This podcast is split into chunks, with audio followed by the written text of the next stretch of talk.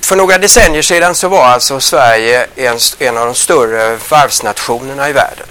Och många göteborgare kommer mycket väl ihåg Götaverken, Eriksberg, Lindholmen och den verksamhet som pågick nere längs Göta älvs strand. Och en del av de här varven försvann ju och försvann ganska snabbt. Och eh, vi tänkte, jag tänkte tala om en annan varvsgrupp nu och varvsfunktion eh, som fanns under en längre period också som var, kan vara hänvisad mer till skärgården och det var fiskebåtsvarven. De som byggde de här fiskebåtarna som vi karaktäriserar som typiska fiskebåtar av trä. Då är det som så att de här varven på, eh, längs skärgården de växte fram i början av 1900-talet som ett led i egentlig mening av att eh, motoriseringen och mekaniseringen av fiskefartygen. Tidigare under 1800-talet och eh, eh tidigt 1900-tal så seglade man och rodde ut till fiskeplatserna. Man bedrev fisket huvudsakligen längs kusten med närheten till land. Huvudsakligen. Då var det på det viset att eh, när motoriseringen skedde så kunde man alltså börja bedriva fisket längre ut till eh, havs och på det viset så eh, blev det också behov av att ha mekaniska verkstäder, slipar etc. som var förlagda till skärgården. Tidigare så hade varven legat huvudsakligen i närheten av skog där det fanns tillgång till virke, alltså i inre fjordarna i Bohuslän och i Tjärnö socken. Nu blev det alltså ett stort behov av att ha eh, varv i närheten och mekaniska verkstäder ute där i skärgårdssamhällena, i fiskesamhällena där det fanns ett stort behov av att få hjälp med både att slipta båtarna och se över motorerna. Motorerna var ju på den tiden inte så driftsäkra utan det var ju i huvudsak, de fick ju ständigt eh, ses över och repareras. Det också skedde en förändring i själva byggnationen utav båtarna. Först eh, i början på 1900-talet så hade man alltså byggt båtarna huvudsakligen klinkbyggda. Det var som så att då var det att man lägger alltså boläggningen omlott och nitar ihop den eller eh, med pinnar eh, fäster dem samman. Och den typen av båtbyggeri var ganska mycket enklare att bygga det kunde alltså allmogens båtbyggare mer eller mindre forma fartyget i samband med boläggningen och sedan lägga i spanten efteråt. När motorerna kom så var de i förhållande till sin verkningsgrad mycket tunga. Då kanske var en 20 hästkrafter den här båten, motorn vägde ett ton eller två. Det var alltså väldigt tunga motorer, det var en cylinder och de vibrerade i väldigt hög grad. Då höll inte den klinkbyggda båten längre utan man var tvungen att gå över på en annan metod som hade använts tidigare, framförallt när man byggde fraktfartyg i en stor del.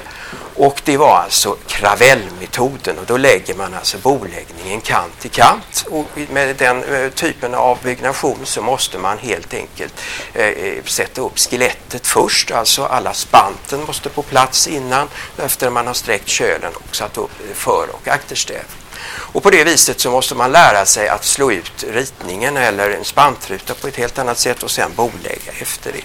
Det var en ny teknik som kom in eh, under eh, 1900-talets första decennium och det innebar att flera eh, skeppsbyggare då som fanns i Bohuslän de var tvungna att lära sig det här båtbyggeriet. En eh, mentor för många var Johan Harald Seldén vars sonson har byggt upp Seldén Mast här som är världsdömd Per Seldén. Och han hade kurser för många utav eh, de kända bohuslänska eh, skeppsbyggarna som lärde sig det här, den här tekniken.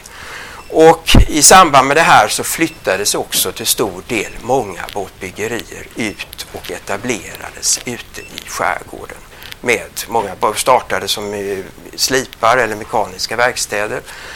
Och det var ju som så att där fanns ju inte båtbyggare på orten ute i skärgården utan där fanns fiskarbefolkning eller folk som bedrev eh, fraktfart av någon typ. Och det gjorde att många båtbyggare flyttade ut i skärgården.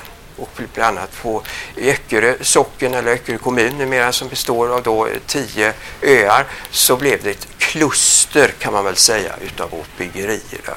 Alltså utav de tio öarna så fanns det någon form av slip eller båtbyggeri på sju av dessa kan man säga. Och på någon ö till, som till exempel på Hälsö så fanns det till och med två båtbyggerier som under sin glans dagar sysselsatte drygt 100 personer. Och de här personerna kom ju då att skapa en prägel i de här samhällena. Fiskarna bedrev ju fiske och var borta under längre perioder, kanske flera veckor, månader och landade sina fångster i England eller Danmark och kom tillbaka medan då de eh, manliga personalen, många var ju från varven så att det blev varvsarbetare respektive fiskare på många av de här öarna. Och det skapade en speciell prägel ute i de här skärgårdssamhällena. Och det blev en kolossal aktivitet runt det här som blev en typiskt för, kan man säga, första hälften av 1900-talet. Fisket gick bra och det blev fler och fler båtar och det byggdes mycket och eh, flera av de här mekaniska verkstäderna och eh, sliparna som hade startat på 1910-talet de kom under 1920-talet att gå över även att bygga båtar och under 1930-, 40 och 50-talet så skulle komma byggas ganska mycket eh, fiskebåtar av trä ute i skärgården. Det fanns flera av även andra varv på andra kuststräckor. Det räckte inte till egentligen. Det var ett större, större efterfrågan på fartygen vad egentligen de bohuslänska varven kunde leverera. Så att även äldre skeppsvarv som till exempel Saltvik och Gustafssons i Landskrona, Holms i Rå och så vidare. När båtbyggeriet eller skeppsbyggeriet för fraktfart gick ner på 1920-talet så såg de en möjlighet att komma in på, på och bygga fiskefartyg istället. Och eh, för Gustafssons varv i, i Landskrona så blev de lite grann specialiserade på det och byggde under flera decennier fiskebåtar för de bohuslänska fiskarna. Och eh, man fick under 30-talet så blev det en, kan man säga att det byggdes väldigt många utav de här fiskebåtarna. De motoriserade, man började bedriva fisket längre bort ifrån kusten och eh, det blev alltså ett behov av större och kraftigare fartyg. I slutet av 1930-talet så bröt ju kriget ut. Det blev ett tillfälligt stopp med det här. Men samtidigt så kom det ett behov av att bygga fartyg för marinen och även för senare också för eh, fiskerinäringen. Och det blev att även mindre varv som hade byggt varit specialiserade på att bygga yachter av eleganta sådana, både motor och segel. Som till exempel Sverre varv och mekaniska verkstad som låg upp efter älven här, alltså lite söder om eh, Angeredsbron. Som är kända egentligen för att bygga modellfartyg eh, kan man säga, för rederier och varv. De hade under 30-talet varit ett känt yachtvarv med många av de kända konstruktörerna som är Salander och eh, också även Knut Reimers knutna till sig. Eftersom det blev krig så var det svårt att få ransonerade varor till, de här, eh, till att bygga fritidsbåtar och de började då gå in på att börja bygga fiskebåtar. Det blev ett behov av det här. Det byggdes även eh, fiskebåtar eller så kallade patrullbåtar även för Tyskland. Det var inte helt okontroversiellt det här men det byggdes ganska många, speciellt vid de här varven som hade varit inriktade på att bygga fritidsbåtar. Och eh, i slutet av 1944 så fick eh, Sverige och de varv som var inriktade på att bygga fiskebåtar en stor beställning från isländska staten på 45 fartyg och eh, som utökades sedan till 50 fartyg. Det var alltså en väldigt stor beställning som kom. Och det var i samband med att Island då hade blivit en självständig stat 1944. De behövde förnya sin fiskeflotta. Man hade en del diskussioner om det. Man hade haft sina naturliga handelspartner med, att, eh, eh, med Norge och Danmark. Och de var ju ockuperade utav tyskarna under den här tiden. Så man vände sig till Sverige om att bygga eh, fiskebåtar i Sverige. Det var också diskussion ett kort tag där även att eh, importera ek från Amerika och bygga de här fartygen på Island. För isländska varven vill ju gärna bygga. Men i Sverige så fanns det i huvudsak den här vad man behöver när man ska bygga de här fartygen, krumväxt ek, alltså där man har en naturlig böjlighet i och utav eken och det kan man alltså utnyttja i form av knä och stävar och liknande. Och det gjorde, och samtidigt som man då försökte pressa svenskarna lite grann på priset så man fick ett bra, bra eh, bud eller kan man säga en bra uppgörelse och därmed så lades den här beställningen här. Samtidigt så fanns det då ett stort behov av att bygga även för Sverige vid den här tiden.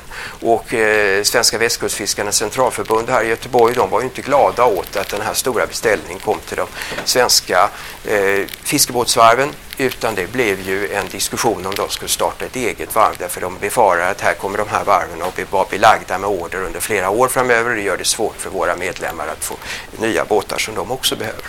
Det löste sig ändå, det blev inte så alltså att SVC byggde några, något eget varv utan det löste sig på ett bra sätt. Och man kan säga att den stora högkonjunkturen för de här fiskebåtsvarven det var de här åren direkt efter andra världskriget. Man byggde för Island, sen fick man en stor beställning i slutet av 40-talet på 34 fartyg även för eh, dåvarande Sovjetunionen. Och fram in på början på 50-talet så byggdes det kolossala mängder. Det var en kolossal aktivitet. Man kan alltså tänka sig ett varv som J.V. Bergs varv på Hälsö som en del kanske känner till här de byggde alltså under 30-talet nästan levererade en båt i månaden. De hade en hög produktivitet även på 40-talet samtidigt som man sliptog mellan 300 och 400 fartyg per år. Plus att man byggde propellrar, slipar, spolmaskiner och så vidare. Så det var en stor aktivitet som satte en speciell prägel speciellt på, på en sån liten ö som, som Hälsö med så många båtbyggare och sådan stor aktivitet runt det här.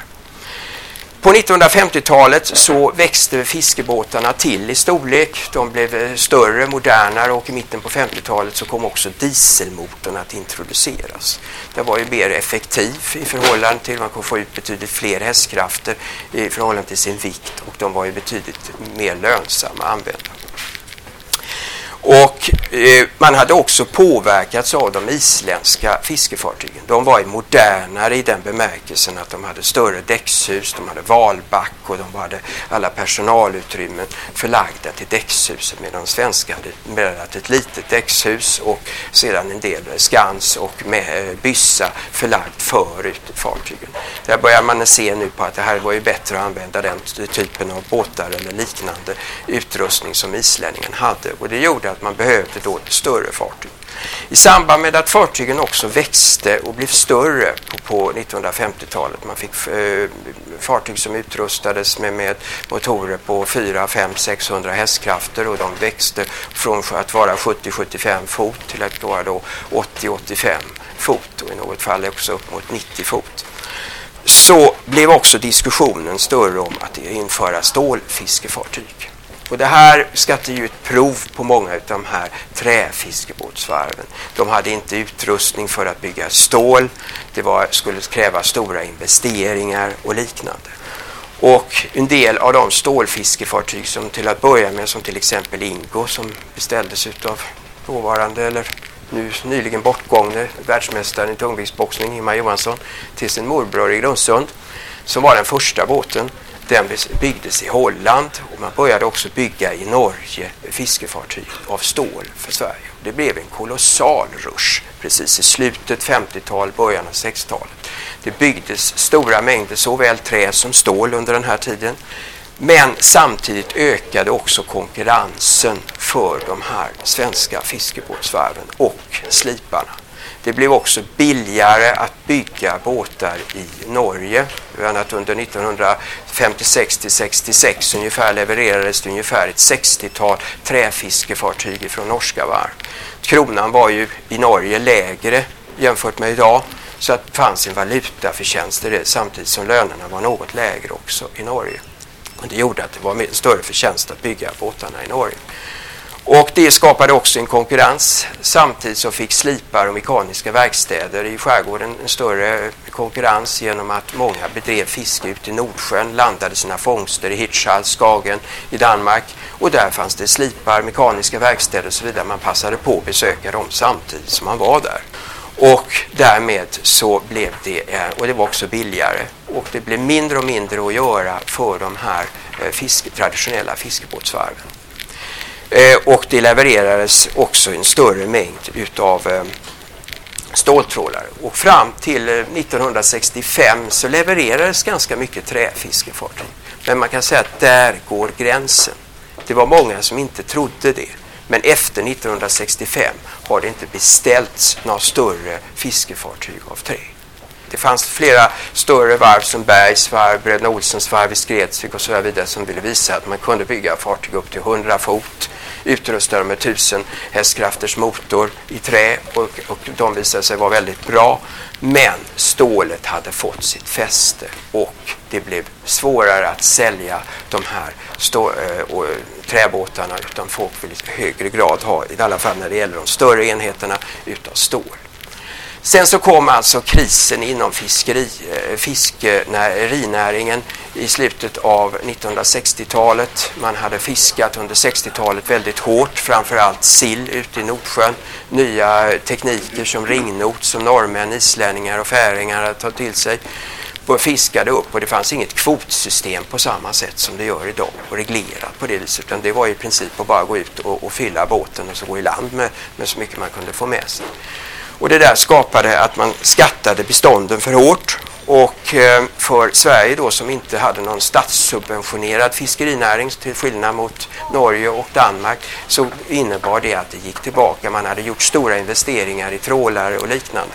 Och det fanns ett stort behov av eh, arbetskraft i land. Stenungsund hade vuxit fram som en petrokemisk industri och det sög till sig många eh, tidigare fiskare från Åstol, Dyrön, Rönning på Västra Tjörn. Och även då Volvo och skeppsvarven i Göteborg behövde personal och det blev bättre kommunikationer ut till eh, Göteborgs norra skärgård och det gjorde att många eh, såg en möjlighet att därmed arbeta i land och vara i, i land betydligt mer än att vara ute till sjöss och arbeta.